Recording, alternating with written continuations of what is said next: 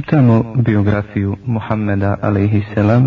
iz knjige Ar-Rahikul Mahtum, zatečećeni džennetski napitak.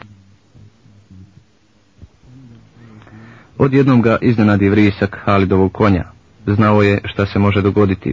Pred sobom je imao dvije mogućnosti. Da se spasi na brzinu, on i njegova mala grupa drugova, na sigurno mjesto, a pritom da ostavi okruženu svoju vojsku na milost i nemilost neprijatelju, ili da se lično izloži opasnosti i da pozove svoju vojsku da se konsoliduju, te da ih lično izvede iz tog začaranog kruga prema Uhudu. Pobjedi Resulullahova alaihisselam oštrumnost i njegova hrabrost, zastade i povika iz svega glasa, dozivajući svoje drugove. O Allahovi robovi, o vjernici! Vikao je znajući da će ga mušici čuti prije muslimana, ali je bio uporan da ih dozove izlažući sobstveni život velikoj opasnosti u tom kobnom času. I zaista mušici ga čuše prije muslimana, pa pojuriše u pravcu njegovog glasa. Kada muslimani padoše u okruženje, grupa njih je u tim trenucima vodila računa samo o sebi. Oni se dadoše u bijeg, ostavljajući bojno polje, ne vodeći računa šta im se dešava iza leđa. Neki od njih krenuše pravo u Medinu, a neki pobjegoše na vrh Uhuda, Druga grupa muslimana se vrati nazad pa udari direktno na mušike. Mačevi se ukrštiše, ljudi se izmiješaše da se nije moglo prepoznati ko je ko. Desilo se da su se neki muslimani međusobno ubijali. Ovaj događaj je napravio još veću pometnju u muslimanskim redovima. Mnogi nisu znali ni kuda će, ni šta će. I dok su se oni tako vrtili u krug, čuše kako neko viče. Mohamed je ubijen. Pred njima se svijet okrenu. Brzo se osvijestiše, Šta ako je istina, a šta ako je laž? Neki pomišljahu da odustanu od borbe i da traže od Abdullaha bin Ubeja zaštitu kod Ebu Sufjana. Drugi stvarno i batiše oružje. U tom času pored ove izbezumljene grupe provođe Enes bin En Nadar. Oni ga onako spuštenih ruku pogledaše, a on upita, šta čekate? Odgovoriše, ubijen je Resulullah alaihi selam. On upita, pa šta ćete od svog života nakon njega? ustanite i umrite za ono za što umrije Resulullah alaihisselam. U ovim teškim trenucima podiže svoj glas Sabit bin Ed Dahdan i povika O Ensarije, ako je Muhammed mrtav, Allah je zaista živ, on ne umire, borite se za svoju vjeru, Allah će vas pomoći i pobjedu vam donijeti. Ponovo zgrabiše oružje i počeše odbijati neprijatelja koji je nadolazio u talasima. Pokušavali su da se probiju do svoje komande, Usput saznaše vijest da je Resulullah a.s. živ i da je ono bila čista namjerna laž. Postojala je i treća grupa ljudi koju nije ništa drugo interesovalo do sam Resulullah a.s. Oni su od početka bili uz Resulullaha, njega okruživali i njega čuvali. Među prvima je bio Ebu Bekr Es-Sidik, Omer bin El-Hattab, Alija bin Ebi Talib i još neki vjerni njegovi asabi. I dok su raštrkani muslimani trpili posljedice stravičnog okruženja, u kome su ih mušici gotovo istrijebili, težište bitke se prenosilo ka Resulullahu a.s. i oko njega. Ranije smo spomenuli da je u vrijeme prodora Halid bin El Velida uz Resulullah a.s. bilo svega devet ljudi.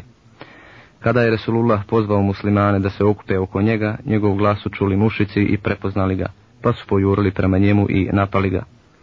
Dočekala ih je ova mala, ali hrabra družina devetorice i pružila neviđen otpor baziran na velikoj ljubavi, brizi i povjerenju prema Resulullahu selam. Nakon pogibije Ibnu Es Sekena uz Resulullah a.s. ostadoše samo dvojica muslimana, muhađira. Tog kobnog dana u kome se branio život Resulullah a.s.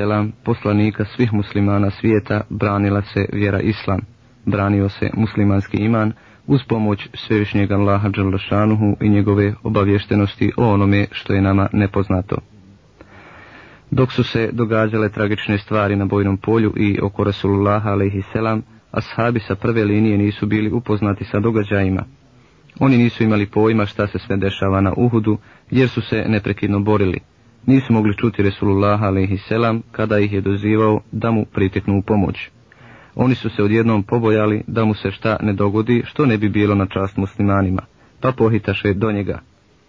Stigli su dosta kasno jer je Resulullah a.s. bio već izranjavan. On, a.s. ranjen, a šest njegovih branilaca mrtvi, a sedmi u ranama leži na zemlji. Još dvojica, koljuti tigrovi, žestoko sijeku sve ispred sebe, štiteći mu tijelo Resulullahovo a.s. Bili su to Sad i Talha, kad ashabi ugledaše sve ovo, okružiše Resulullah a.s. da ga zaštite svojim tijelima i svojim oružjem. Oprezno su motrili da ga ko od neprijatelja ne pogodi. U isto vrijeme su odbijali žestoki napad neprijatelja. Prvi koji je prišao Resulullahu a.s. je bio njegov vjerni prijatelj i ashab Ebu Bekr radijallahu anhu. On je bio drug iz Hidžre, drug iz pećine Sevr, dođe do svog poslanika alaihi selam te kad ga ugleda zahvali Allahu Đalešanuhu što ga zateče živog. Svakog trenutka broj mušrika na Resulullaha alaihi selam se stalno povećavao. Njihovi napadi su bili sve žešći i žešći, a sahabi su morali uzmicati i povlačiti se. Odjednom Rasulullah propade u zamku koju mu je ranije postavio Ebu Amir zvani Fasik, što znači pokvarenjak. U tom padu Resulullah je ozlijedio oba koljena. Alija mu pruži ruku da izađe iz rupe, a Talha bin Ubejdullah, onako ranjen, prihvati ga i pomože mu da se održi na nogama. Muslimani su pokazali veliku hrabrost i požrtvanost u ovoj bitci kakvu do tada nije poznavala historija. Ebu Talha je svojim tijelom štitio Resulullah a.s. Svojim ljudima je dočekivao neprijateljska koplja. Enes radijallahu anhu pripovjeda kad je bila bitka na Uhudu, strada svijet oko Rasulullaha a.s., a Ebu Talha je ispred njega sa štitom u rukama dočekivao strijele. Kada poginu Musab, Rasulullah a.s. predade Bajrak Ali bin Ebi Talibu Allahu anhu, koji svom žestinom nastavi bitku. Također i ostali ashabi nastaviše borbu svom snagom. Tada Rasulullah a.s. pođe za rukom da se probije do okružene vojske. Kad im se primače, prepozna ga Keab bin Malik i povika iz sve glasa. O muslimani, radujte se, evo Resulullaha. Resulullah mu dade znak da šuti, kako ga ne bi mušici otkrili. Međutim, muslimani su čuli kaba, pa svi potrčaše prema poslaniku, alaihi selam. Oko njega se okupi oko tridesetaka shaba. Svi se zajedno počeše povlačiti polako prema klancu Uhuda. Resulullah selam se sa muslimanima povuče na sigurno mjesto, a mušrici odlučiše da ih ponovo napadnu, ne bili ih se domogli kako tako. Biće to njihov i posljednji napad na Uhudu. Prethodni napad bio je i posljednji kojeg su Kurejšije oprobale protiv Resulullaha. Oni nisu bili sigurni šta se dogodilo sa njim i da li je uopšte živ. Međutim, smatrali su da je bitka završena, pa se po povratku Suhuda u dolinu počeše spremati za povratak u Meku. Njihove žene su se također spremale za povratak. One nisu spremale svoje stvari, već su prevrtale muslimanske šehide, otkidale im uši, noseve, udove, sjekle stomake i uživale u tim strašnim zvjerstvima. Hinda, Udbetova kćerka, a Sufjanova žena, raspori utrobu Hamzi radijallahu anhu, mu džigerice i poče žvakati, ali pošto nije mogla da je lahko proguta, izbaci je, a zatim je i ona ocijecala uši i noseve da pravi džerdane svojim slugama. Bismillahirrahmanirrahim Kopanje šehida Resulullah alaihisselam je brižno nadzirao sakupljanje šehida. On reče, ja ću svjedočiti za ove ljude. Svaki ovaj koji god je ranjen u ime Allaha kada bude proživljen na sudnjem danu, njegova rana će se crveniti kao krv, a mirisat će miskom. Neki ashabi su prenijeli svoje šehide u Medinu. Resulullah alaihisselam naredi da ih vrate i zakopaju na mjestu borbe. Neka ih ne gasule, ne kupaju i neka im ne skidaju odjeću, samo da odstrane željezo, i kožu i kožne stvari. Kopali su po dva i tri zajedno u jedan mezar, a i po dvojica zamotana u jednu haljinku. Zatim upitali, ko je znao više Kur'ana na pamet? Ako pokažu na osobu, onda njega prvo uspuste u mezar. Resulullah reče, ja ću biti na sudnjem danu svjedok za ove šehide. Tako su pokopali Abdullaha bin Amr bin Haram i Amra bin El Džemhur u isti mezar jer su bili veliki prijatelji. Ashabi zagubiše Hanzalin tabut i dok su ga tražili vidješe ga na zemlji, a sa njega je curila voda. Oni obavijestiše Resulullah a.s. a on im reče, da, to meleki njega gasule. Potom im reče da se kod njegove rodbine raspitaju o njemu. Oni upitaše njegovu ženu a ona im ispriča priču o njemu i događaj zbog kojega meleki ogasuliše. Zato Hanzala, kog Meleki okupaše, bi prozvan. Kada Resulullah a.s.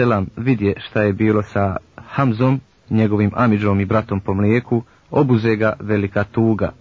Kad je došla Safija, sestra Hamzina, htjede da ga vidi. Resulullah a.s. naredi njenom sinu Zubeiru da je odvrati, da joj ne dozvoli da vidi šta joj bi sa bratom, a ona reče, ne, čula sam šta je učinjeno sa mojim bratom.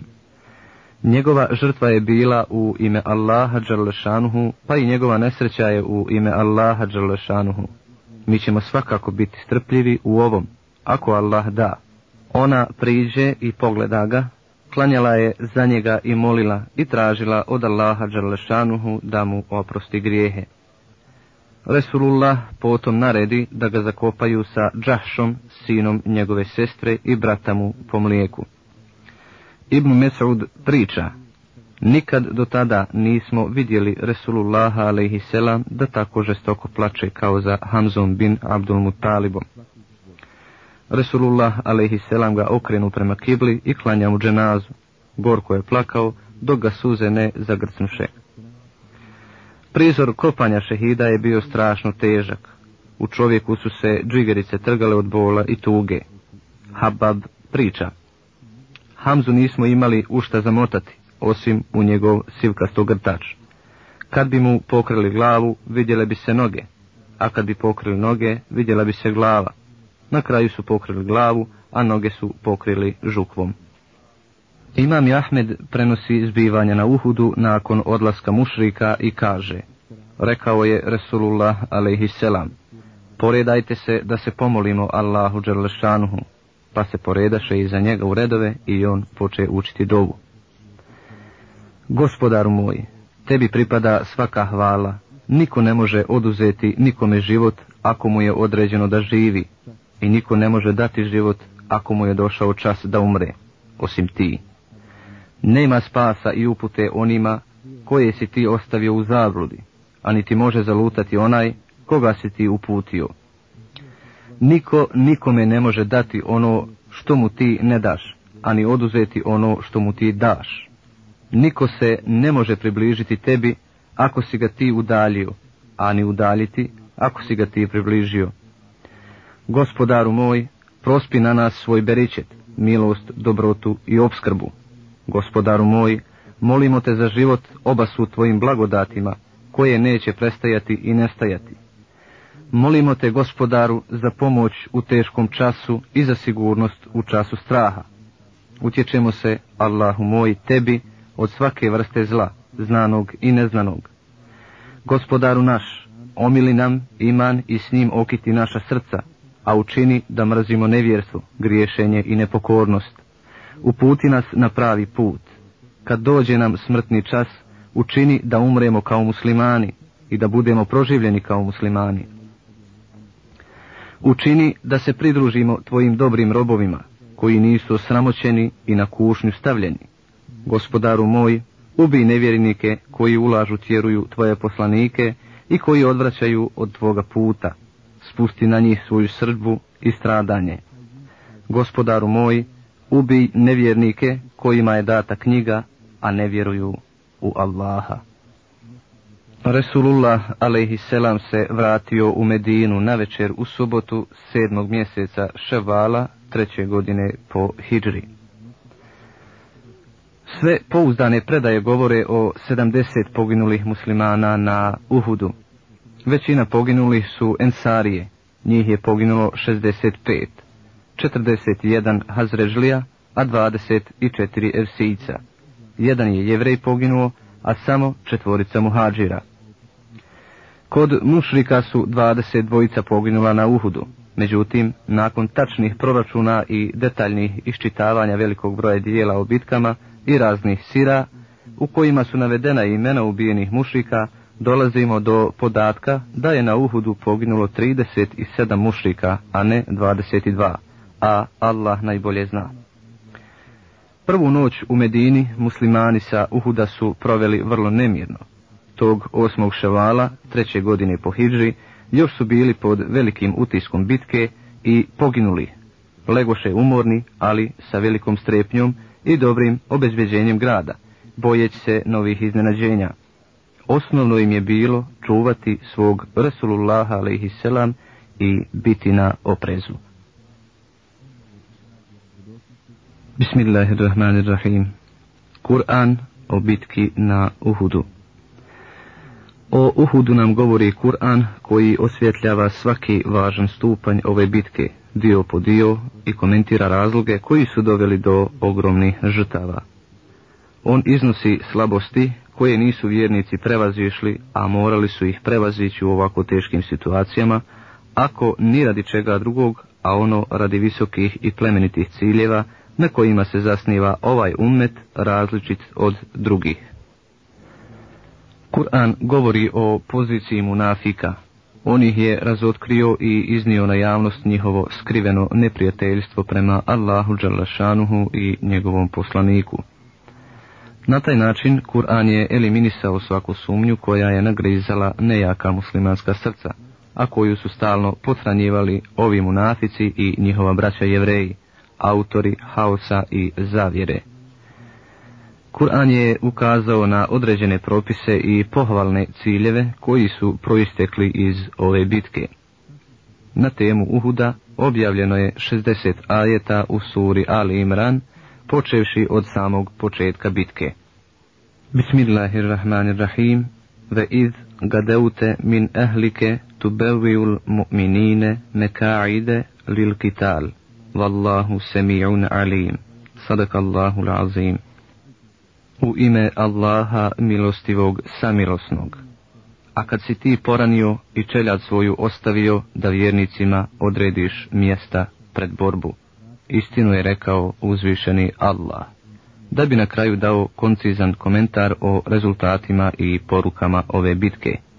Uzvišeni Allah Đerlešanuhu kaže Bismillahirrahmanirrahim ما كان الله ليذر المؤمنين على ما أنتم عليه حتى يميز الخبيث من الطيب وما كان الله ليطلعكم على الغيب ولكن الله يجتبي من رسله من يشاء فآمنوا بالله ورسله وإن تؤمنوا وتتقوا فلكم أجر عظيم صدق الله العظيم U ime Allaha milostivog samilosnog. Allah neće vjernike s licemjerima izmješane ostaviti, već će loše od dobrih odvojiti. Allah vam neće ono što je skriveno otkriti, već on zato odabere onoga koga hoće od poslanika svojih. Zato vjerujte u Allaha i poslanike njegove, i ako budete vjerovali i Allaha se bojali, čeka vas nagrada velika. Istinu je rekao uzvišeni Allah pouke i poruke bitke. Ibnul Kajim naširoko govori o svim detaljima bitke na Uhudu. Ibnul Hadžer kaže, učenjaci su rekli, događaj na Uhudu i pouka koju su muslimani imali od ove bitke, te božanski propisi nastali u ovim prilikama su veličanstveni. Evo neki. Predočavanje muslimanima loših stvari zbog neposlušnosti izazivanje nesreće zbog kršenja naredbi, kao što se desilo kada su strijelci prekršili Resulullahovu alaihisselam naredbu da ne napuštaju položaj. Običaj je bio kod svih poslanika da iskušaju na dijelu svoje sljedbenike, za prekršaj bila je i kazna, a za poslušnost nagrada. Zbog prekršaja uslijedio je poraz, a zbog dosljednosti u naredbi pobjeda. Da nije bilo toga i da su stalno pobjeđivali uredove vjernika mu'mina, Uvukli bi se oni koji im ne pripadaju, tada bi veoma teško bilo razlikovati ko je iskren, a ko nije. A da su stalno gubili, ne bi poslanstvo imalo svoju svrhu. Mudrost Allahova je nalagala da se događa i jedno i drugo radi razlučivanja istine od laži. Dobro je poznato da je licemjerje prikrivena osobina dvoličnjaka munafika koje samo pronicljivi otkriju. Na Uhudu je licemjerje isplivalo na površinu i riječima i djelom, a tajanstvenost je postala javnost. Muslimani su shvatili da imaju neprijatelja i u svojim redovima, stoga su se za njih pripremili i bili na oprezu pred tim neprijateljem. Odlaganje pobjede i pomoći u nekim periodima bitke je trebalo da slomi nefs, požudu i oholost kod vjernika. A kada su stavljeni na kušnju, mu'mini su pokazali sabur, strpljenje, a licemjeri munafici veliki strah. Allah Đerlešanuhu je omogućio svojim robovima da steknu neke povlastice na budućem svijetu koje ne bi mogli zaraditi svojim dobrim djelima, pa je stvorio uzroke i načine koji će im olakšati put do tih specifičnih povlastica. U njih spada i šehadet. Allah je želio kazniti neprijatelje svojih šehida, pa im je omogućio da putem nevjerstva, odnosno kufra, iskažu svoju zloću, silu i zavjerstvo prema njegovim evlijama. S takvim metodama je Allah Đerlešanuhu otklanjao grijehe vjernicima, a s njima također uništavao nevjernike. Bismillahirrahmanirrahim. Vojne izvidnice i misije između Uhuda i Ahzaba. Tragične posljedice Uhuda nanijele su velike štete ugledu i časti muslimana. Oslabilo je strahopoštovanje, uvažavanje, prestiž, autoritet i sl. A unutrašnje i vanjske patnje muslimana su bivale sve veće. Medina je bila okružena raznim opasnostima sa svih strana. Jevreji, munafici i beduini su pokazivali otvoreno neprijateljstvo. Svako od njih je želio da nanese štetu muslimanu, pa ne samo to, nego su silno željeli i da ih potpuno unište. Ne prođuše ni dva mjeseca od bitke na Uhudu, a mnogobrojni neprijatelji su ispružili svoje ruke prema Medini i muslimanima. Pleme Benu Esed napade Medinu i potom krenuše sa ratnim napadima plemena Adl i Karet u mjesecu Saferu četvrte godine po Hidži, kada pogibe deseta shaba. Istog mjeseca slične napade izvrše i plemena Benu Amir, te u sukobu sa njima pogibe sedamdeseta shaba. Ovaj posljednji napad poznat je pod imenom bitka Bi'ru Meunet.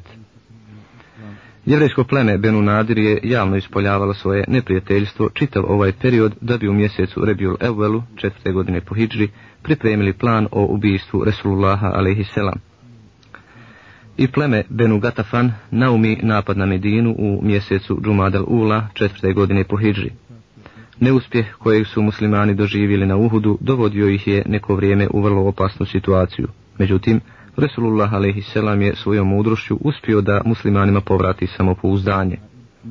Oni su za kratko vrijeme ponovo stali na svoje noge i počeli nove aktivnosti s kojima im se vraćala slava, ugled i uvažavanje. Prvi napredak se osjetio odlaskom vojske na Hamrau, čime je dato svim neprijateljima na znanje da je vojska spremna na nove pohode, što je silno iznenadilo i razočaralo jevreje i munafike. Potom je Resulullah a.s. krenuo sa novim manevrima koji su muslimanima povratili dostojanstvo i prestiž. Evo nekih primjera. Akcija Ebu Selemi Prvi koji je ustao na muslimane nakon napuštanja Uhuda bilo je pleme Benu Esed bin Huzeimeta. U Medini su ga stigle vijesti da su Talha i Selema sinovi Huvejlida krenuli sa svojim ratnicima i saveznicima da pozovu Benu Eseda i da zajednički napadnu Medinu i Resulullaha a.s. Resulullah a.s. hitno posla izvidnicu od 150 boraca muhađira i Jensarija pod vojstvom Ebu Seleme, kome povjeri i muslimanski bajrak. Ebu Selema iznenadi plemebenu Esed na njihovom kućnom pragu, prije nego što su krenuli u napad na Medinu. Oni se uplašiše i razbježaše, a muslimani zarobiše deve i od plijena šta su željeli. Natovariše deve i sretno se vratiše u Medinu sa velikim ratnim plijenom kojeg uzeše bez borbe. To se desilo na dan pojave mlađaka mjeseca prvog Muharrema četvrte godine po Hidži. Petog dana istog mjeseca Muharrema, četvrte godine Hidžetske, stigoše vijesti u Medinu da je Halid bin Sufjan el Huze Li sakupio mnoštvo ljudi u rat protiv muslimana. Resulullah a.s. posla na njega Abdullaha bin Uneisa da ga porazi. Tragičan događaj na Erređiju. U mjesecu Saferu, četvrte godine po Hidžri, kod Resulullah selam dođuše predstavnici naroda Adal i El Kareta i izjaviše da naginju islamu, ali da ne znaju ništa o njemu. Zatražiše da pošalje sa njima ljude koji će ih naučiti vjeri i podučiti učenju Kur'ana. Resulullah alaihisselam posla po njima šest osoba na čelu sa Mersedom bin Ebi Mersed. Ovi ljudi krenuše sa došljacima na put. Kad su došli do mjesta Erređiju, bunar vode, plemena Huzeil u Hidžazu između mjesta Rabiga i Džide, Benu Adal i El Karet zatražiše pomoć ljudi iz plemena Huzeil, Benu Lihjan, a protiv muslimana. Oni poslaše stotinu strijelaca. Grupica muslimana se ispje na jednu pješčanu uzvisinu bježeći od neprijatelja. Goniči su slijedili njihove tragove i kad ih stigoše okružiše ih. Nevjernici im viknuše, imate našu riječ i garanciju, ako siđete i predate nam se, nećemo ubiti ni jednog od vas. Asim odbi silazak i predaju i naredi svojoj grupici da im pruže otpor. Oni su se branili, ali je njih sedam poginulo od pogodaka strijele. Ostali su Hubejb i Zaid bin Eddesinnet i još jedan čovjek. Nevjernici ih još jednom pozvaše uz obećanje i datu riječ. Oni siđuše i predadoše se. Ovi ih prevariše i svezaše i za tetive svojih lukova. Onaj treći čovjek reče, ovo je početak prevare, pa odbi da ih slijedi. Oni su ga svezano vukli, pa ga dizali i polijevali vodom, ne bili ih slijedio. On i pored svega toga ne htjede ići, onda ga ubiše. Zatim odvedoše Hubejba i Zejda koje darovaše Mekki, jer su na bedru ubili neke mekanske prvake. Tragičan događaj kod bunara Naunet.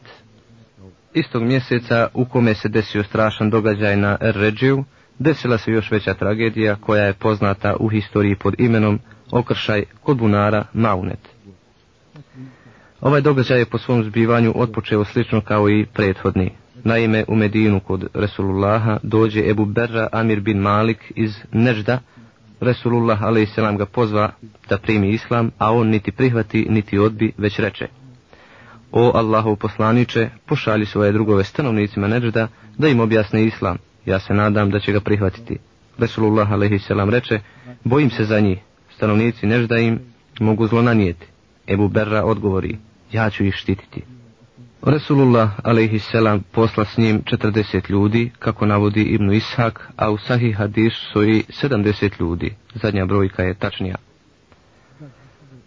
Nadredi im El Munzira bin Amra, jednog iz plemena Benu Saide, koji je imao nadimak oslobođen da umre, Ljudi koji su izabrani da idu u Neđd bili su sve pribrani, cijenjeni muslimani, učači Kur'ana i poznavaoci Islama. U putu su činili i dobra djela. Sabirali su drva, prodavali ih, a zatim kupovali hranu za siromahe ispred džamija. Učili su i tumačili Kur'an, klanjali noću i tako putovali dok nisu stigli do bunara Maunet, koji se nalazio na zemlji između plemena Amir i Hurret bin Sulejm. Oni tu odsjedoše. Odatle poslaše glasnika Harama bin Mulhana, brata Sulejmove majke, sa Resulullahovom porukom Allahovom neprijatelju Amir bin Tufejlu. Amir ne pogleda ni poruku ni čovjeka, već naredi da ga udari sleđa leđa kopljem. Kad koplje probi njegovo tijelo i kad ugleda krv, Haram zavika. Allahu ekber, umrije gospodara Mikabe. Allahov neprijatelj Amir bin Tufail pozva pleme Benu Amira da krenu i pobiju ostale muslimane, ali im se oni ne odazvaše zbog garancije koju je dao Ebu Berra bin Amir. Oni zatim pozvaše pleme Benu Sulejm, pa im se odazva Isi, Real i Zukvan. Udružiše se i okoliše Resulullahove a.s. sahabe. sve ih redom pobiše u žestokom okršaju, osim Kab bin Zejda bin Enneđara. On je bio ranjen, ali je ostao u životu do bitke na Hendeku, gdje je poginuo. Bitka sa Beni En-Nadirom Ranije smo spominjali da su jevreji stalno pravili smutnju i da su uznemiravali muslimane, te i druge dizali protiv islama. U većini slučajeva nisu istupali sa otvorenim sukobima i ratovima. Najčešće su kovali zavjere, a otvoreno i javno ispoljavali mržnju i neprijateljstvo. Pravili su često smicalice zbog kojih su muslimani bivali uznemiravani. Sve su to činili i pored potpisanih dogovora i sporazuma. Nakon poraza jevrijskog plemena Benuka i Nakua i nakon ubijstva Kabin el Ešefa, prepali su se za sebe, pa su se malo primirili i stišali svoje neprijateljske strasti. Ali, nakon bitke na Uhudu, ponovo im se vrati njihova gordost i ponovo počeše ispoljavati svoju mržnju i netrpeljivost prema muslimanima. Često su kontaktirali s munaficima i mušicima iz Mekke, s njima su tajno radili protiv muslimana. Resulullah a.s. je dugo podnosio i strpljiv bio, dok oni ne pretjeraše u svom neprijateljstvu i zlu, posebno poslije događaja na Ređeju i Mauni, pa pokušaše Resulullaha a.s. ubiti. Sve ovo navodi muslimane mimo njihove volje na borbu, međutim njihova čula su bila svježe uzdrmana prethodnim tragedijama, tako da su bili izloženi na mnogim neuobičajenim nasiljima, bilo pojedinci ili skupine, stoga se nisu mnogo dvoumili, nego donesoše odluku da se bore protiv Beni Nadira, posebno nakon njihovog pokušaja da ubiju Resulullah a.s. pa makakav ishod bitke bio. Opsada nije dugo trajala, svega šest noći ili pak, kako neki kažu, petnaest noći, a onda Allah usadi u njihova srca strah i oni pobacaše oružje i prihvatiše predaju. Poslaše poruku Resulullahu a.s. u kojoj kažu, mi ćemo izaći iz Medine. Resulullah selam im odgovori da mogu izaći sa ličnim stvarima u rukama i sa svim što mogu ponijeti njihove deve, osim oružja. Resulullah selam zapljeni oružje plemena Beni Nadira, zauze njihova imanja, kuće i preostali imetak. Od oružja zateče 50 oklopa, 50 kaciga i 340 sablji. Zemlja i imovina Benu Nadira pripadala je samo Resulullahu selam preko nje se nisu otvarali slobodni pješački ili karavanski putevi. Nije je dijelio na petinu kao ratni plijen. Resulullah selam je zatim podijeli prvim muhađerima koji nisu imali svoje zemlje i svoga doma. Bismillahirrahmanirrahim. Pohod na Nejd. Pobjedom nad jevrejima Beninadira, a bez gubitaka i žrtava muslimani u Medini povratiše svoj ugled i samopouzdanje munafici stišaše svoje strasti i prestaše sa javnim spletkarenjem. Rasulullahu a.s. se pružala prilika da se obračuna sa beduinima koji su uznemiravali muslimane od poraza na Uhudu i koji su napadali islamske učenjake na putu njihove misije i širenja tumačenja vjere, ubijeli ih u niskosti i nevjerstvu. Bili su se toliko uzoholili da su pomišljali povesti rat protiv Medine prije nego što će Resulullah alaihisselam krenuti u pohod da dadne dobru lekciju tim nabusitim i umišljenim junacima pustinje, do njega dođuše vijesti o grupisanju beduina i arapskih mnogobožačkih plemena iz Gatafana od porodica Benu Muhariba i Benu Sa'lebeta. Pa Resulullah alaihisselam pozva vojsku da se spremi za pohod. Pretražit će pustinske rupčage nežda, posjeti sjeme straha u srcu tih osori beduina da im više nikada ne padnu na pamet ružna djela koja su počinili prema muslimanima. Tako uđe strah u pustinska plemena koja su navikla na pljačku ubijanje, da su svaki put kad čuju za pokret muslimana bježali u brda da se tamo spase. Nakon ovih uspješnih pohoda na Benu Nadir i Nežd vrijedno bi bilo napomenuti još jednu bitku koju su muslimani vodili u Neždu a oko koje ima nekih nesporazuma kod historičara Islama i autora Sira. Ta bitka u Neždu je po njima bila u mjesecu Rebiusani Sani ili Džumadel Ula četvrte godine po Hidžri, a nazvana je Zaturuka. Međutim, izgleda da je ovdje ime sporno. Bitka nije sporna jer su muslimani u ovom periodu zaista vodili bitke i čistili teren od neprijatelja koji su ih svakodnevno ugrožavali. Strateški položaj Medine je zahtijevao da bude bezbjedna sa svake strane i od svakog neprijatelja, bilo unutrašnjeg ili vanjskog, pogotovo što je Ebu Sufjan pripremao obećanu bitku, revanš kada je napuštao Uhud, a vrijeme tog obećanja se približavalo. Zato su muslimani vodili pohode na arapska plemena da ih umire ili pokore. Politika rata zahtijeva da se prago bezbjedi prije nego se krene na vanjskog neprijatelja. Druga bitka na Bedru. Kada su muslimani presjekli opasnost od arapskih beduinskih plemena i ugušili njihovu pohotu, počeše se pripremati za ozbiljan susret sa svojim najvećim neprijateljem, Kurešijama. Prođe godina dana od Bedra i približi se vrijeme zakazanog susreta dogovorenog na Uhudu. Suđeno bi da Muhammed a.s. krene sa svojim drugovima da dočeka Ebu Sufjana i njegovu vojsku i da se ponovo okušaju na bojnom polju – pa da konačno zna ko je pobjeđen, a ko je pobjednik i ko zavređuje vlast, a ko ne. Potom dođe mjesec Šaban, četvrte godine po Hidži ili januar 626. godine i Resulullah a.s. krenu na čelu 1500 boraca i 10 konja na zakazano mjesto. Bajrak je nosio Alija bin Ebi Talib, a u Medini je ostavio za zamjenika Abdullah bin Revaha. Resulullah alaihisselam je stigao na Bedr i tu je čekao mušrike. Ebu Sufjan je krenuo sa 2000 mušrika iz Meke i sa 50 konja. Zaustavio se na putu prema Zahrau, jedan dan hoda od Meke i odsjeo kod vode Međne. Ebu Sufjan je nerado krenuo iz Mekke, duboko zamišljen i uplašen zbog borbe sa muslimanima. Obuzimao ga je veliki strah. Nesreća je plijenila njegovim čulima. Kada je stigao do Zahrana, dalje nije smio ići. Odluči da se vrati nazad, svojim drugovima reče. O Kurejšije, vama odgovara samo dobra rodna godina u kojoj ćete brati plodove i piti mlijeko, a ova vaša godina je sušna i neplodna. Znači, naučili ste na pobjedu i dobit, a ja osjećam poraz. Stoga se ja vraćam nazad, vratite se i vi. Izgleda da nije sam Sufjan osjećao strah i bojazan od neuspjeha, nego da je i čitava vojska to osjećala. Ljudi se bez imalo dvumljenja ili suprostavljanja ovom prijedlogu, a u isto vrijeme i bez pokušaja da nastave put i da se sretnu sa muslimanima, odlučiše na povratak. Što se tiče muslimana, oni ostadoše na bedru osam dana, čekajući neprijatelja. Obaviše velike trgovačke poslove za to vrijeme.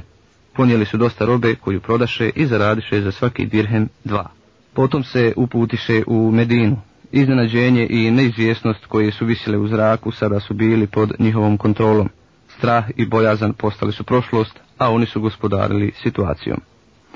Ovaj pohod je poznat pod nazivom sastanak na bedru ili drugi bedr ili posljednji bedr ili čak mali bedr. Bitka za Dumetul Džendel Resulullah selam se vratio sa bedra u sigurnosnu i bezbedonosnu zonu Medine. Sve naokolo odisalo je mirom i sigurnošću. Resulullahova a.s. država učvrstila je svoje temelje. Od sada će se Resulullah a.s. posvetiti i najudaljenijim arapskim granicama sve dotle dok muslimani ne zagospodare čitavim područjem i dok ih ne priznaju i prijatelji i neprijatelji. Nakon malog bedra Resulullah a.s. provede u Medini šest mjeseci. Zatim stiguše do njega vijesti da plemena oko Deometul Džendela u blizini Šama, odnosno Sirije, presjecaju trgovački put i vrše prepad i pljačku na sve prolaznike i da su okupili velik broj ljudi s kojima će udariti na Medinu. Resulullah a.s. postavi u Medini Seba bin Urfeta, El Gatafana i krenu sa hiljadu muslimana, 25. bio Evela 5. godine po Hidži. Za vodiča puta uze čovjeka iz plemena Benu Uze, a zvao se Mezgur. Putovao je noću, a odmarao po danu. Tako je iznenadio neprijatelja koji je bio u akciji. Kada im se približio, oni se dadoše u bijeg. Onda Resulullah a.s. udari na pješadiju i vođe. Koga je stigao, ubio ga je. A ko je uspio pobjeći, pobjegao je. Stanovnici, domaćini Demetul Džendela, razbježaše se na sve strane. Kad muslimani stiguše u njihovo naselje, ne nađeše nikoga. Tu Resulullah a.s. provede nekoliko dana, razosla vojsku na sve strane, ali nikoga od njih ne nađeše. Potom se vrati u Medinu. U tom pohodu se pomiri sa Ujejnet Hijasnom. Dumet je poznato mjesto na granici sa Sirijom. Između njega i Damaska je udaljenost pet noći. Sa ovim brzim i žestokim prepadima i mudrim i odlučnim potezima uspio je Resulullah a.s.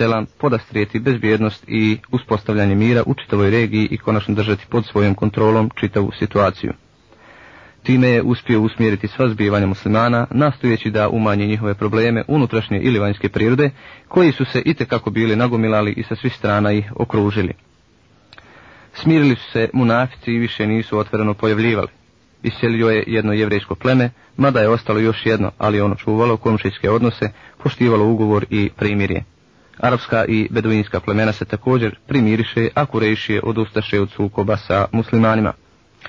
Tada muslimani dobiše priliku za širenje i tumačenje islama, vjere Allaha, gospodara svjetova.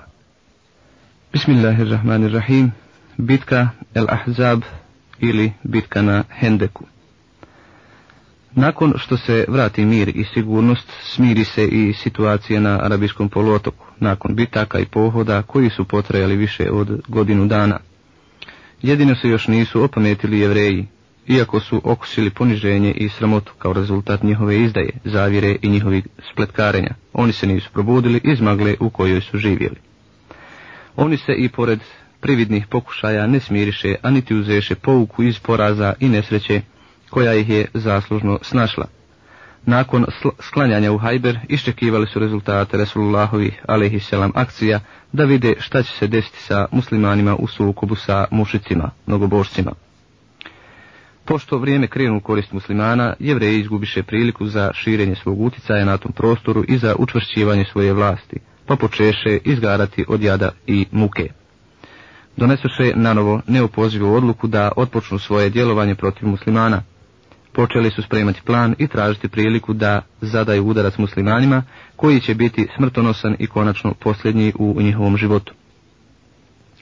Pošto nisu imali ni nalazili u sebi povoda za direktno blamiranje muslimana, iskovaše strašan plan za tu priliku. Krenu 20 jevrijskih prvaka i uglednih ličnosti plemena Benu Nadir kod Kurejšija u Meku, postičući ih da napadnu Resulullah selam i da njih, jevreje, nadredi muslimanima u vlasti. Lično im obećaše da će i oni njima pomoći. Kurejše im to obećaše posebno nakon njihovog sramnog povratka sa puta bez vođene bitke na bedru. U ovoj novoj situaciji vidjeli su šansu za spašavanje časti i svog ugleda. Ova delegacija jevreja otputova u Gatafan pa pozva i arapske beduine, isto kao i Kurejšije, i oni prihvatiše poziv. Potom učini isto i s arapskim plemenima mušicima, pa im neka obećaše, a neka odbiše.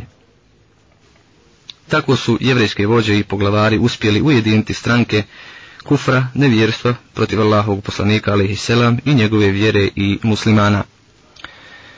I stvarno s juga krenuše Kurejše, Kenanije i njihovi saveznici Ehlu Tihame. Svima njima je vođa bio Ebu Sufjan. Ove plemenske skupine krenuše ka Medini prema prethodno utvrđenom dogovoru. Nakon nekoliko dana stigoše i smjestiše se oko Medine. Bilo ih je deset hiljada ratnika. Broj koji u svakom pogledu premašuje cifru sveukupnog stanovništva Medine, uzimajući u obzir i žene i djecu i starce. Resulullah alaihisselam sazva vrhovno vijeće Šuru, na kome se raspravljalo o planu odbrane Medine i muslimana. Nakon istretne analize čitave situacije i rasprave koja je vođena između vijeća i vojnog vrha, složiše se da prihvate prijedlog časnog ashaba Selmana Farisije Allahu anhum. Selman reče, o Allahu poslaniče, mi smo u Perziji imali običaj, ako nas napadnu u gradu da se obezbijedimo hendekom, oko grada kanal iskopan. To je bio mudar prijedlog i vrsta obrambene taktike koju Arapi nisu poznavali do tada. Što se tiče strateškog položaja Medine, okruživala su je brda, kamenjari i plantaže palmi sa svih strana, osim sa sjeverne. Stoga je Resulullah a.s. kao vrli strateški vojni stručnjak znao da će sva vojska neprijatelja navaliti na Medinu s te sjeverne strane i da je nemoguće prići lahko gradu sa ostalih strana. Stoga je Hendek kopan samo sa te sjeverne strane. Kurejšije se pomoliše sa 4000 vojnika koji se spustiše na Sejal između El Džerfa i Zaabeta. Gatafanska plemena i ostala koja su im se pridružila usput iz Nežda, pomoliše se sa 6000 ratnika i smjestiše se na Zeneb Mekama s Uhudske strane. Resulullah a.s. izađe sa 3000 muslimana okrenuti leđima brdu Sela'u i tu se učvrstiše.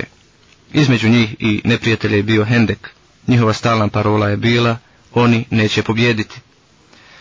Kada su htjeli mušici da napadnu muslimane i provale u Medinu, ugledaše širok kanal između sebe i grada. Biše primorani na blokadu muslimana za koju se nisu spremali kad su pošli. Ovaj hendek, ova novina u strategiji ratovanja ih je u potpunosti iznenadila i nisu je nikako mogli ni predvidjeti, a kamoli prema njoj plan donositi.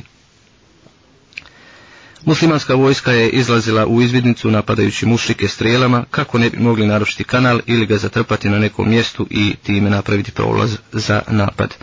Dojadi kurešijskim junacima da beskorisno stoje i šetkaju oko Hendeka bez ikakvih uspješnih rezultata. Nisu opsadom mogli ništa učiniti, a nisu bili ni spremni za to.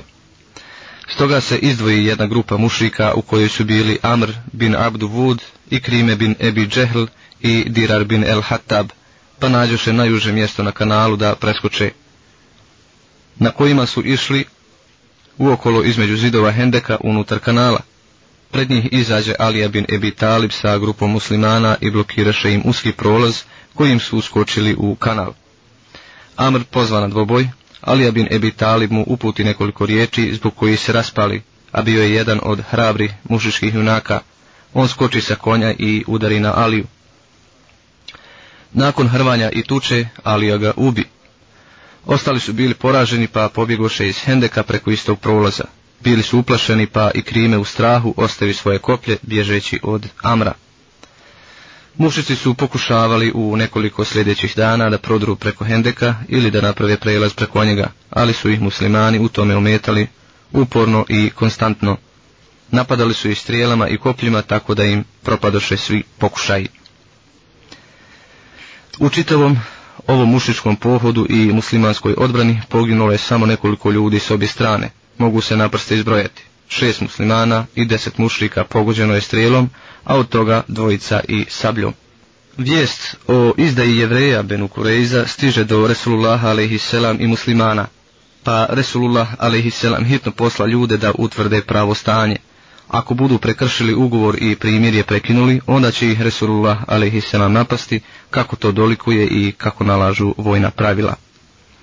Kada se približiše muslimani, vidješe da je stanje gore nego su očekivali. Dočekaše ih psovkom i mržnjom, a napadoše i Resulullah a.s. pa rekoše, ko je Resulullah? Nema primirja između nas i Muhammeda, a nema ni ugovora. Muslimani se vratiše u Medinu i signaliziraše Resulullahu a.s. šifrom. Adlun i Karetun, što znači jevreji su učinili kao predstavnici Adla i Kareta sa shabima na dan Erređija. I pored njihovog nastojanja da sakriju lošu vijest, ljudi saznaše za ovu tešku jevrejsku obmanu i ugledaše pred sobom još jednu veliku opasnost. Za muslimane je situacija bila teža nego se moglo zamisliti. Između njih i Benu Kureze nije postojala prirodna prepreka koja bi štitila poleđinu muslimana – oni su mogli udariti sa leđa, a muslimani su ispred sebe imali brojčanu silu preko koje se nisu mogli povući. Resulullah alaihisselam se povukao u razmišljanje od momenta kada je čuo za izdaju Benu Kureiza. Dugo je ležao i čutao, a onda u jednom momentu ustade i povika. Allahu ekber, muslimani budite radosni, Allahova pomoć i pobjeda stiže. Nakon ovoga skova plan za borbu, kao dio ovog plana on posla stražu u Medinu da zaštiti žene i djecu od odmazde. Potom je ostalo ono bez čega se nije moglo izići iz ove situacije, odlučujući sugob koji će uništiti savezna plemena. Nakon ovog uzvišeni Allah, njemu hvala, učini nešto na štetu neprijatelja, zavadi ih i razjedini ih i oslabi njihovu snagu i želju za borbom.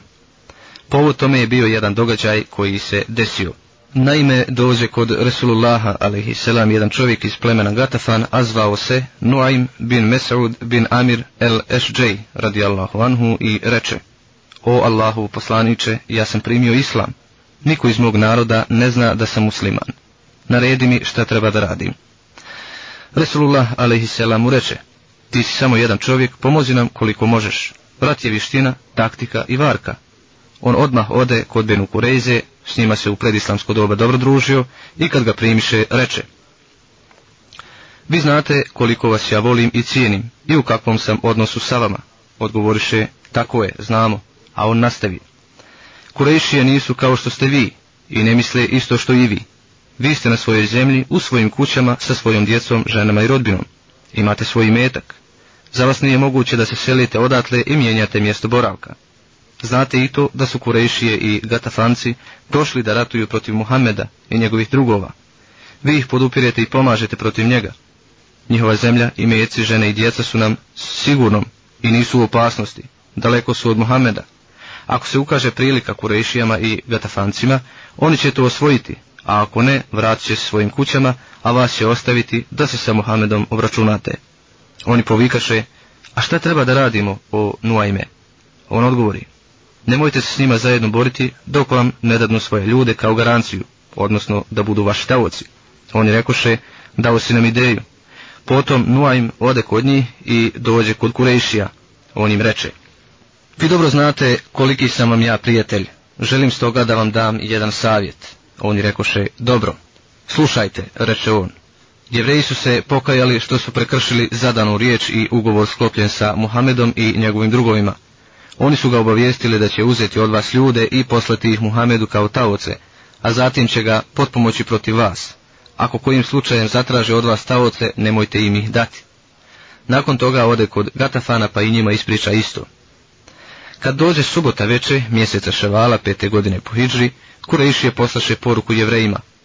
Mi nismo na svojoj zemlji, propašće nam konji i deve. Osiromašit ćemo. Dignite se s nama da se zajedno borimo protiv Muhammeda. Jevreji im odgovoriše da je tog dana subota i rekoše, vi znate šta je bilo s jevrejima subotom, a još usto i kad prođe subota mi se nećemo boriti zajedno sa vama dok nam ne dadnete svoje ljude koji će nam biti garancija za kasnije, odnosno tavoce. Kad je čuše ovu vijest i oni i gatafanci rekoše, Bog ti dao nuajme što si nas posavjetovao, istinu si rekao, oni poslaše odgovor jevrejima. Mi, tako nam Boga, nećemo nikoga dati, bolje vam je da idete sa nama da se borimo protiv Muhameda. Kureize tada povikaše, istinu nam je rekao Nuajm. Oni se spremiše i međusobno se sukobiše, Izbikavo proliče između jevreja i idolopoklonika. Resulullah a.s. je dovom molio Allaha Đalšanuhu protiv nevjerničkih skupina koje su se nalazile oko njih. Gospodaru moj, ti koji si spustio knjigu i koji brzo račune sviđaš, pokori i porazi ujedinjenog neprijatelja. Gospodaru moj, porazi ih i rasturi ih. Allah Đalešanuhu usliša dove Resulullaha a.s. i muslimana. Nakon što se zavadiše jevreji i mušici i nakon što sablje sjemše među njima, Allah Đelešanuhu posla tako strašan vjetar da je bilo čudo gledati kako lete šatori, predmeti, stvari, drveće, ljudi i odjednom uz taj strašni tufan zemlja se zatresa zemljotresom koji se nastani u njihova srca od meleka koje je Allah poslao. Uzrma njihovu snagu, sigurnost i samopouzdanje, a probudi strah i bojazan. Resulullah te strašne noći posla Huzeifeta da vidi šta dušmani rade. On ih zateče u pređešnjem stanju. Trčali su bezglavo, unakolo, kupili što im je do ruke dolazilo i bijegom bježali. Huzeife se vrati i prenese Rasulullahu selam da su se plemena razišla. Nakon ovoga Rasulullah a.s. i muslimanska vojska vratiše se u Medinu. Bitka na Hendeku je bila pete godine po Hidži u mjesecu Ševalu prema većini mišljenja. Mušici su u opsadi držali Rasulullah a.s. i muslimane mjesec dana. Bitka El Ahzab ili Hendek nije prouzrokovala nikakve štete, to je bila bitka nerava, to je bio psihološki rat. Iako nije bilo žrtava, a ne štete, to je bila za muslimane najteža i najopasnija bitka u historiji islama. Bio je to poraz za mušike, a pouka i poruka da niti jedna arapska sila ne može poraziti malu muslimansku vojsku koja izrasta u Medini.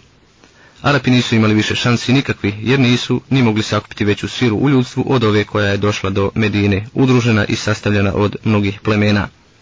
Stoga je Resulullah a.s. rekao nakon njihovog bijega – od sada ćemo mi njih napadati, a ne oni nas. Mi ćemo ići na njih. Bismillahirrahmanirrahim.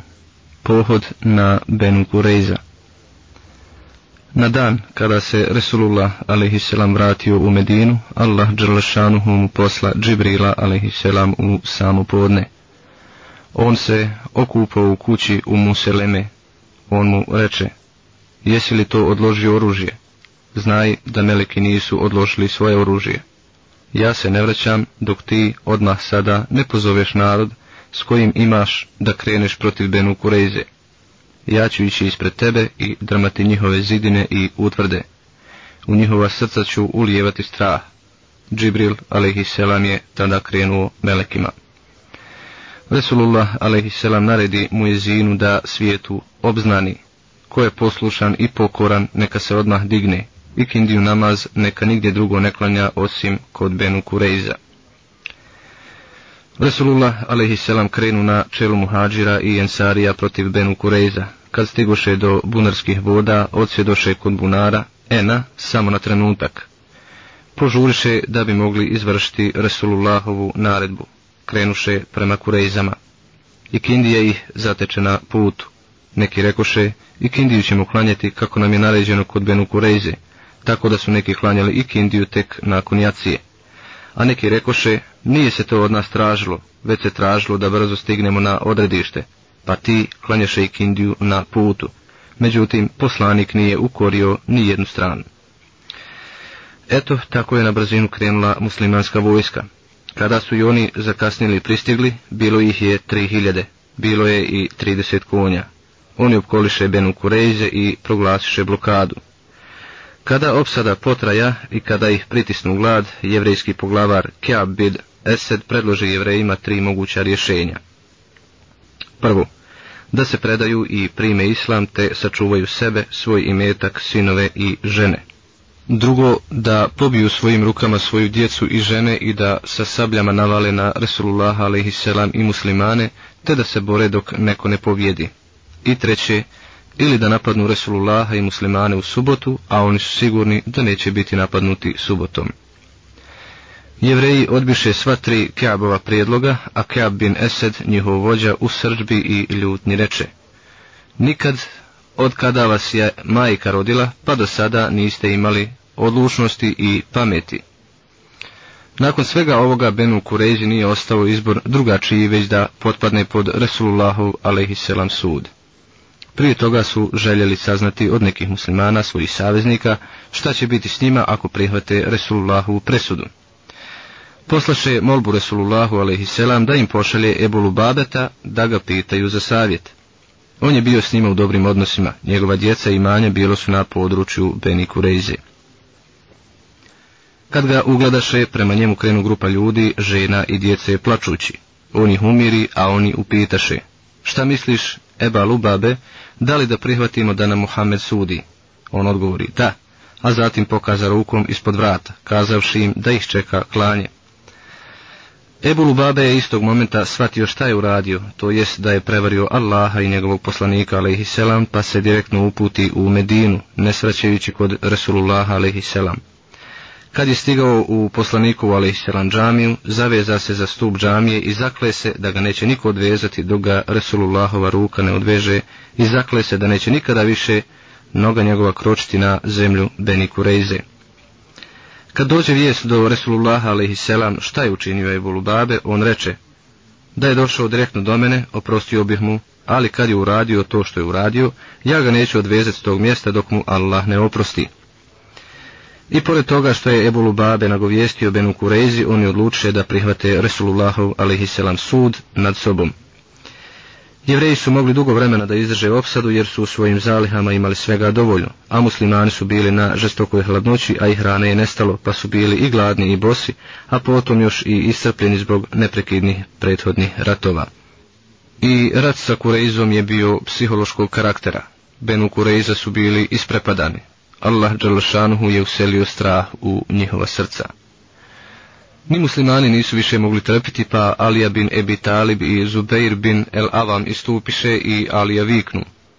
O narode knjige, tako mi Allaha, okusit ćete ono što je Hamza okusio ili ćemo vam srušiti utvrde. Rasulullah a.s. naredi da se zatvore muškarci Benu Kurejza u kuću harisove čerke, žene iz plemena Benu Nedžar – za njih se iskopaše rupe na trgu Medine. Odvodili su ih na rupe i tu ih ubijeli grupu po grupu. Oni koji su bili u zatvoru sa svojim vođom Kabin bin Esedom upitaše ga. Šta misliš šta će biti s nama? On odgovori, zar ni ovdje pameti ne imate? Zar ne vidite da se pozvani ne protivi? Ako od vaših ode, ne vraća se. Tako mi Boga, ubijanje. Bilo je oko šesto ili sedamsto ubijenih. Jedino na ovaj način moglo se stati u kraj zmijama otrovnicama i njihovom zlu i izdaji. Oni su prekršili zadatu riječ, pogazili čvrsti ugovor, pomagali ujedinjenim plemenima da unište muslimane, u njima najtežem momentu u životu. Oni su s ovim svojim postupcima upisani u najveće ratne zlikovce koji su zaslužili smrtnu kaznu. Od njihovih žena ubijena je samo jedna koja je ubila muslimana, Halid bin Suvejda, bacivši na njega veliki kamen. Zbog toga je tako i završila. Resulullah alaihi salam je naredio da ne ubijaju one koji nisu bili punoljetni. Takav je bio Atija el Kerezi, on ostao u životu, zatim primi islam i ubroja se u ashabe. Što se tiče Ebulu Babe, koji se svezao za stubu u Meščidu, proveo je šest noći tako svezan. Žena mu je dolazila za svaki namaski vakat, pa bi ga odvezala da klanja, a onda bi ga opet svezala. Tada do Resulullah a.s. dođe njegova doba pokajanja na večer, dok je Resulullah a.s. bio u kući Ummu Seleme. Ummu Selema ustade i kroz kućna vrata reče Ebu Lubabu, obraduj se o Ebu Lubaba, Allah ti je oprostio, a ljudi pohitaše da ga oslobode, a on odbi pomoć bilo koga osim Resulullah a.s. Kada je Resulullah a.s. išao na sabah namaz, prošao je pokraj njega i odvezao ga. Na kraju, da još jednom spomenemo, da je ova bitka El Ahzab ili Benu bila u Zulkadetu pete godine po Hidžri i da je opsada trajala 25 dana. U povodu ove bitke El Ahzab, Hendek i bitka sa Benu Kurejzom, Allah Đalšanhu je objavio ajete u suratul Ahzab. U njima je komentarisao najznačajnije događaje između mu'mina, vjernika i munafika licemjera – zatim napuštanje borbe od strane plemena kao i rezultate izdaje od strane pripadnika knjige jevreja. Bismillahirrahmanirrahim. Vojne aktivnosti poslije Ahzaba i Benukurejze. Ubijstvo Selama bin Ebil Hakika. Selam bin Ebil Hakik pod nadinkom Ebu Refija je bio jedan od najvećih jevrijskih kriminalaca koji je podigao i ujedinio arabijska plemena protiv muslimana i pomogao ih s velikim materijalnim dobrima. On je lično vrijeđao Resulullah a.s. Kada su se muslimani obračunali sa Benu Kurejzom, zatražiše dozvolu od Resulullah a.s. da ubiju Ebu Rafija. Kaab bin El Ešefa su imali čast ubiti ljudi iz plemena El Eus. Pleme El Hazređ je također željelo učiniti veliko djelo za islam, pa da budu na istom nivou kao i El Eus.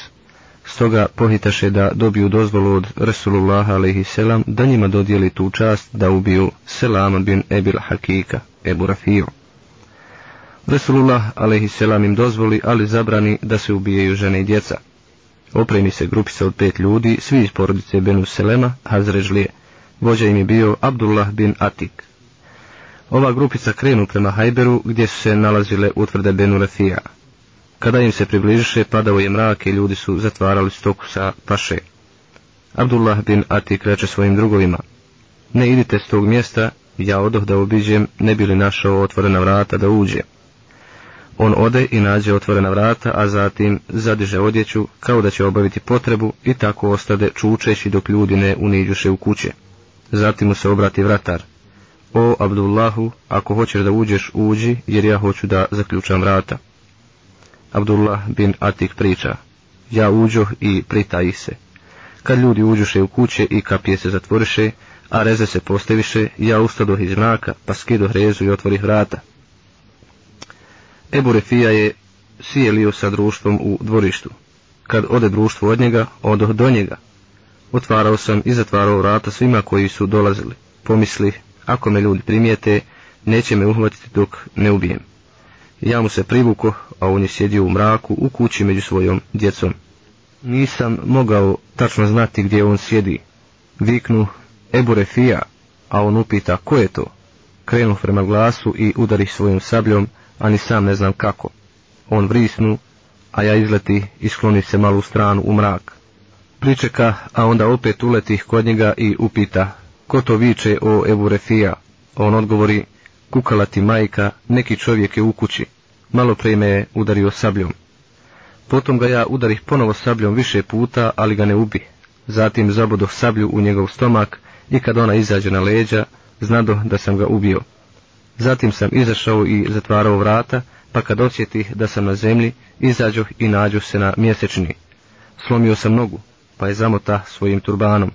Zatim sam sjeo na zid vrata i rekao sebi da neću otići dok ne saznam da li sam ga ubio ili ne. Kada pijeci zapjevaše, glasnik puhnu u rog i reče, oglašavam smrt Ebu Rafija, trgovca stanovnika Hidžaza. Kad to čuh, pohita kod mojih drugova i rekao spas, Allah je ubio Ebu Rafija. Zatim odasmo u Medinu i ja ispriča Resulullahu alaihi selam šta se dogodilo, a on reče, pruži svoju nogu. Ja pruži, a on potra ranu svojom rukom i bi kao da i nije slomljena. Ova akcija je bila u Zulkadetu ili Zulhidžetu pete godine po Hidži. Pohod na Benu Lahjan Benu Lahjan je pleme koje je obmanulo deseta shaba na Erređiju i koje je bilo uzrok njihovom stradanju ali pošto je njihovo naselje bilo duboko u području Hidžaza, gotovo na granici sa Mekom, a neprijateljstvo muslimana, Beduina i Kurešija žestoko učestalo, Resulullah a.s. je smatrao da ne treba prodirati tako duboko u blizinu najvećeg neprijatelja. Međutim, kada su plemena iznevjerila jedna druge u bitki Ahzab, kada je oslabila njihova moć i kada su se zbog teškog stanja donekle primirili, Poslanik Selam je uvidio da je došlo vrijeme da se osveti Benulahjanu za ubijene drugove na Erređiju. Resulullah Selam je u velikom trku stigao na odredište i počeo dozivati starješine. Narod Benulahjana pobježe u brda, obuzet žestokim strahom od muslimanske vojske, tako da u naselju ne zatekoše nikoga. Resulullah u njihovoj domovini ostade dva dana, slao je u brda svoje izbjedničke grupe, ne bili koga uhvatili, ali bez uspjeha, jer su se već razbježali i posakrivali. Nakon toga Resulullah krenu u Usfan, odatle posla deset konjanika u Keral Gamim, blizu Meke, da bi za njih čule kurejšije. Kada je i taj posao urađen, vrati se Resulullah a.s. u Medinu, iz koje je na ovom putu odstvao 14 dana. Nastavak vojnih aktivnosti u vidu izviđanja, prepada i misija. Resulullah alaihisselam je u sljedećem periodu bio veoma ažuran u slanju vojnih trupa na izviđanje i čuvanje granica iz bezbjedonosnih razloga, te slanje istih u pregovaračke misije iz političkih razloga. Evo u kratkim crtama pregleda tih aktivnosti. Vojna akcija Ukaša bin Muhsina na El Gumer u mjesecu Rebjul Evelu ili Rebjul Ahiru šeste godine po Hidži. Vojna akcija Muhammed bin Mesleme na mjesto Zulkisa u mjesecu Rebjul Evelu ili Ahiru šeste godine po Hidžri. Akcija Ebu Ubeidet bin El Džerra na Zulkisa u mjesecu Rebjul Ahir šeste godine po Hidžri. Akcija Zaid bin Hariseta u El Džemumu mjeseca Rebjul Ahir šeste godine po Hidžri. Akcija Zaid bin Harisa na El Asa u mjesecu Džumadel Ula šeste godine po Hidžri na čelu 170 jahača. Zeidova akcija opet u Tarf ili Tark u mjesecu Džumadel Ahire šeste godine po Hidži, Zeidova izvidnica u Vadil Kura u mjesecu Ređepu šeste godine po Hidži i akcija Habt. Ovaj izviđački pohod se dogodio u Ređepu osme godine po Hidži. Napominjemo da ova priča po svom sadržaju ukazuje da je ovo bilo prije El Hudejbije, jer muslimani nisu presretali kurejšijske karavane poslije primjerja na Hudejbiji. Bismillahirrahmanirrahim. Bitka Benul Mustalak ili bitka El Merisija, mjesec Šaban, šeste godine po Hidži. Ovaj pohod, iako nije bio široki dometa i veliki borbenih dejstava svojnog aspekta, je imao i tekako drugih važnih činioca koji su uzdramali islamsko društvo i unijeli nered, ali i bili razlogom da se otkriju i pokažu munafici, odnosno licemjeri. Ovim povodom objavljeni su i neki ukoravajući propisi koji su islamskom društvu dali posebnu sliku blagosti, časti i duševne čistote. Prvo ćemo nešto reći o bitki, a potom o ovim psihološkim vrijednotama. Ovaj povod se odigrao u mjesecu Šabanu šeste godine po Hidžri, prema najpouzdanijim saznanjima. Uzrok je namjera poglavara plemena Benul Mustalak, El Harisa bin Ubeja Dirara, koji je krenuo sa vojskom da pokori Resulullah a.s. Ta vijest dođe do Resulullah a.s. te on posla Buraidet bin Husayib, El Eslemi da provjeri tačnost vijesti. On svetel El Harisa bin Ebi Dirara, pa je s njim razgovarao i on mu je potvrdio svoju namjeru. Pošto je vijest bila tačna, Resulullah a.s. iskupio shabe i pohita s vojskom. Na put su krenuli drugog šabana.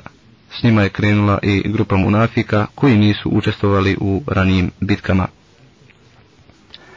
Haris bin Dirar je poslao špijuna u Medinu da sazna vijesti o muslimanskoj vojsci. Muslimani ga uhvatiše i ubiše.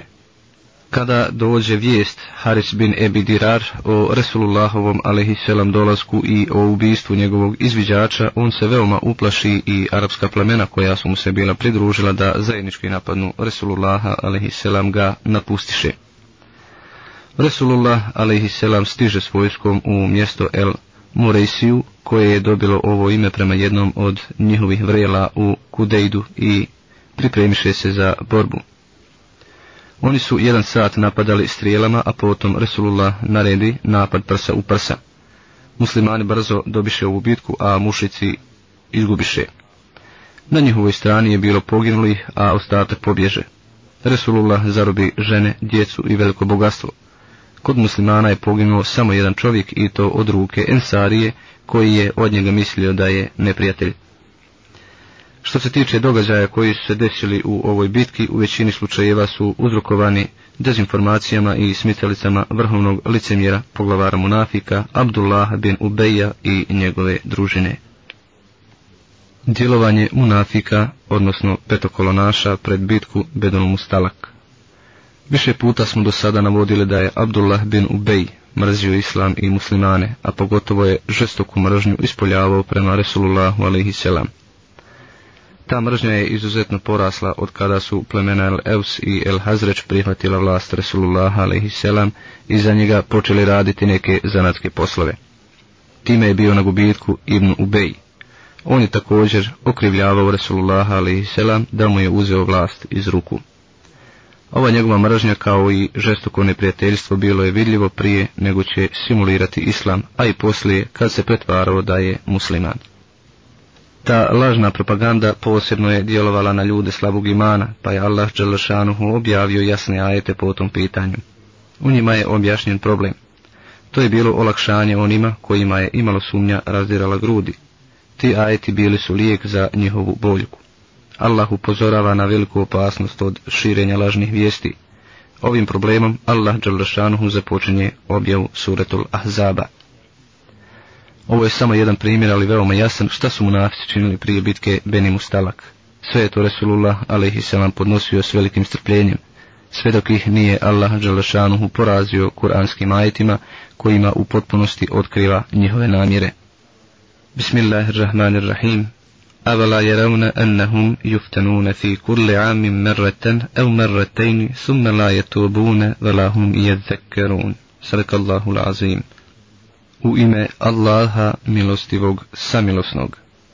Zar oni ne vide da svake godine jedan put ili dva puta u iskušenje padaju, pa opet nit se kaju, nit se opamećuju. Istinu je rekao uzvišeni Allah kada je otpočela bitka Benol Mustalak i kada se u nju uključiše munafici, postupiše upravo onako kako Kur'an kaže. Bismillahirrahmanirrahim. Lev haređu fikum ma zadukum illa habalem vela evda'u hilalekum jebgunekumul fitne. Wa fikum semma'une lehum. Wallahu alimun bizalimin. Sadakallahu lazim. U ime Allaha milostivog samilosnog. Da su pošli s vama, bili bi vam samo na smetnji i brzo bi među vas smutnju ubacili, a među vama ima i oni koji ih rado slušaju. Istinu je rekao uzvišeni Allah.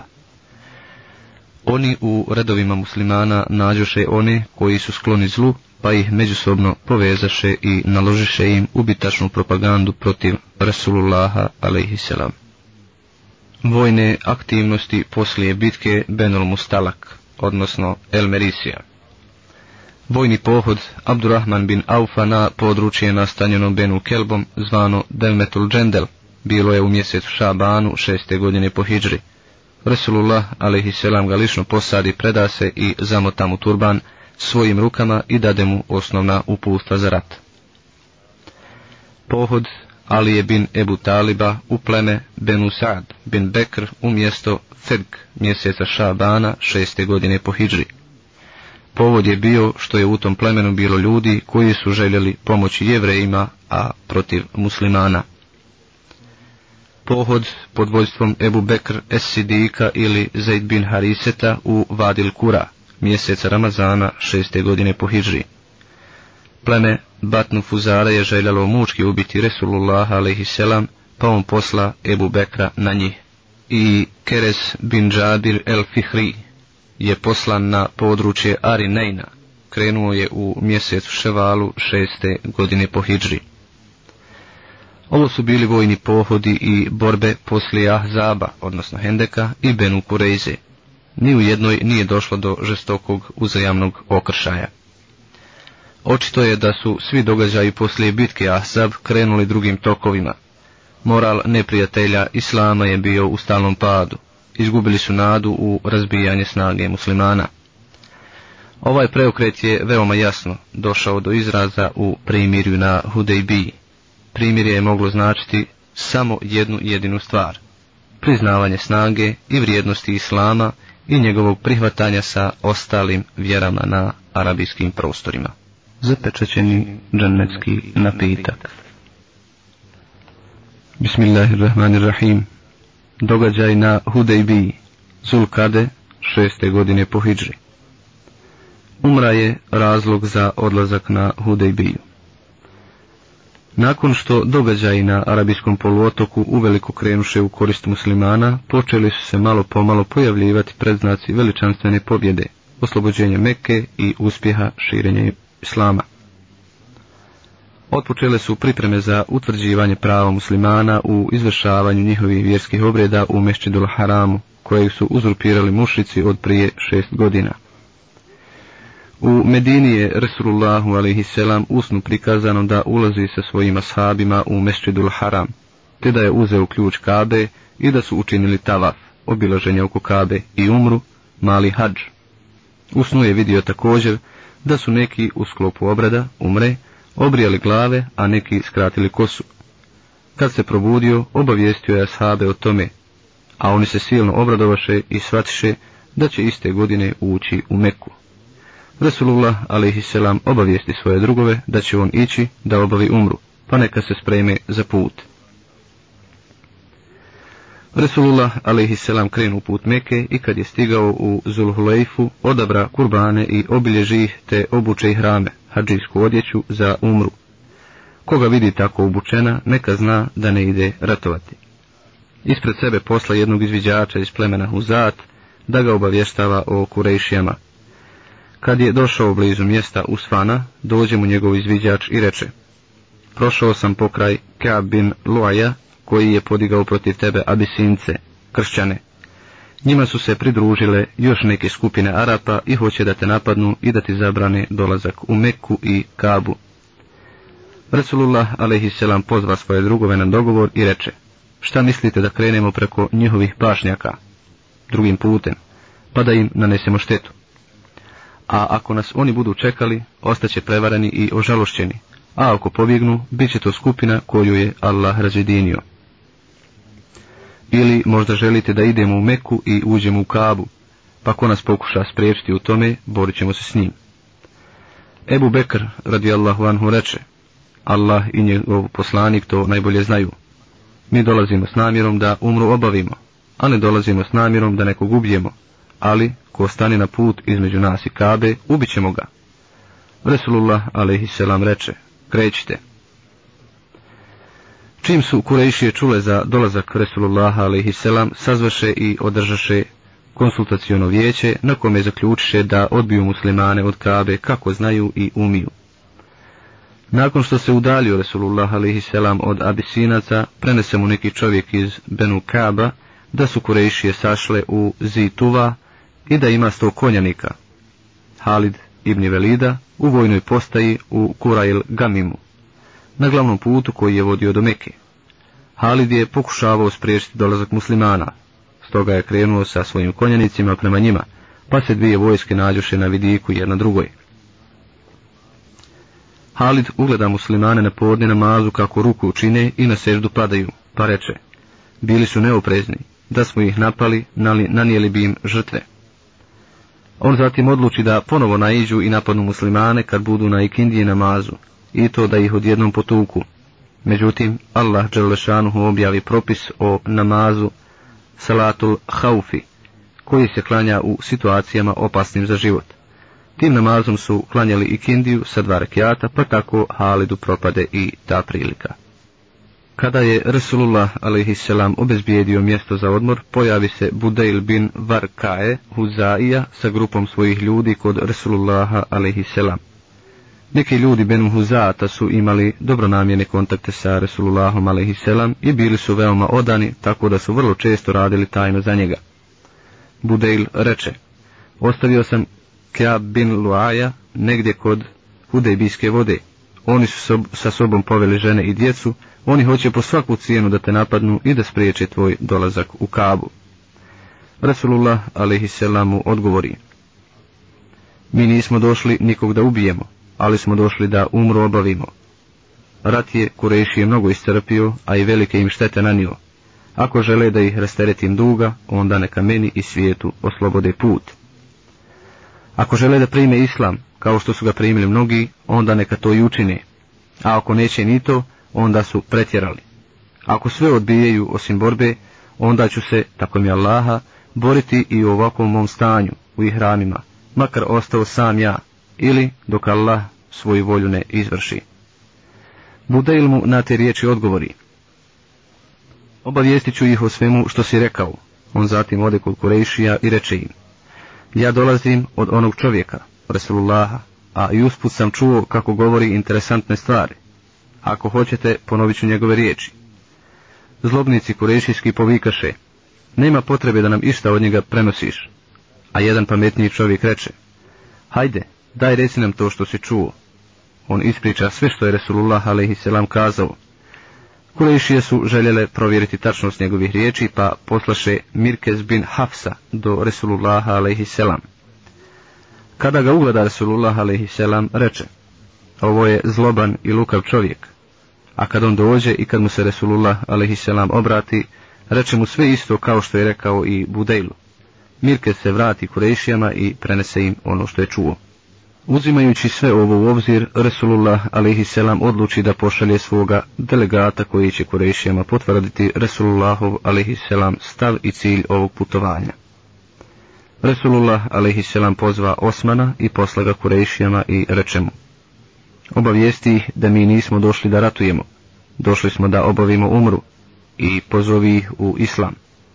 Zatim mu Resulullah a.s. naredi da u Mekki obavijesti vjernike muškarce i vjernice žene, da će ubrzo biti oslobođenje Meke i da im prenese radosnu vijest da će Allahova vjera gospodariti Mekom i niko više neće skrivati svoj iman u Meki.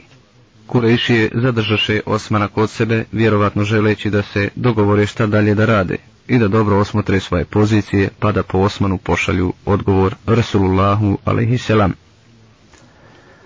Sklapanje primirja i njegovi paragrafi Sulhul Hudejbija Kurešije su shvatile ozbiljnu situacije pa poslaše hitno Suheil bin Amra da sklope primirje.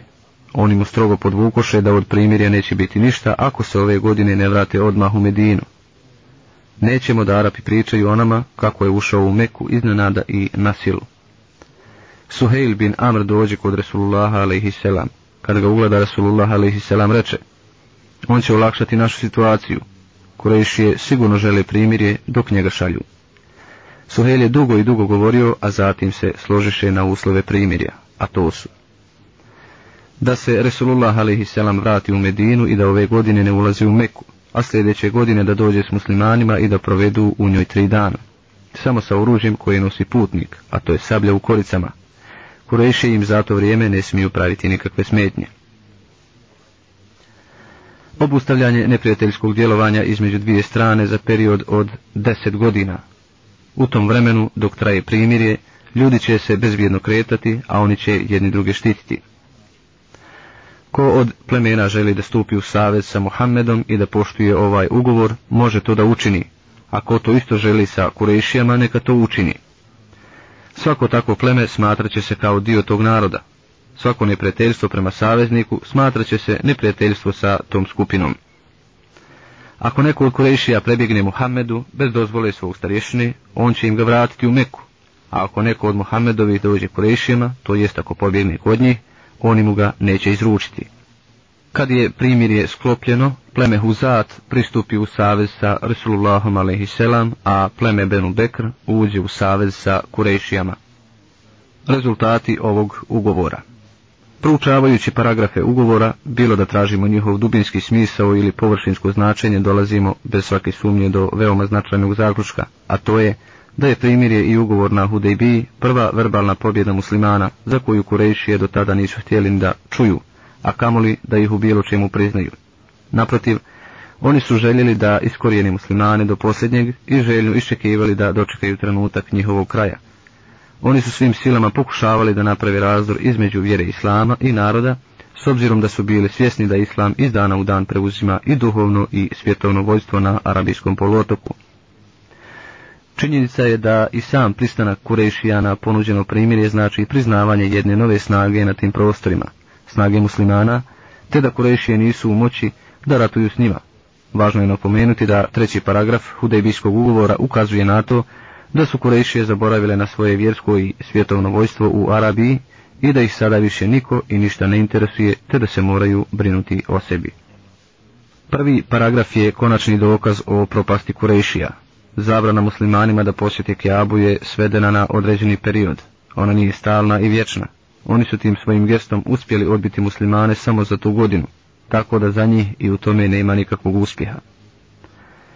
Kurejšije su sa tri prve tačke udovoljili muslimanima, a kroz to su za sebe dobili samo jednu i to četvrtu ili četvrti paragraf ugovora.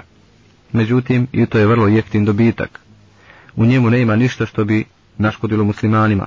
Poznato je da neko ko je musliman neće napustiti, odnosno pobjeći od Allaha i njegovog Resula, selam, niti će pobjeći iz islamske sredine, osim ako se odmetne od vjere, javno ili tajno a ako se odmetne od vjere, onda on i nije više potreban muslimanima.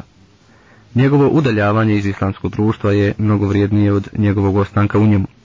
Na ovo je mislio Resulullah a.s. kad je rekao, onaj ko od nas ode njima, njega je Allah udaljio.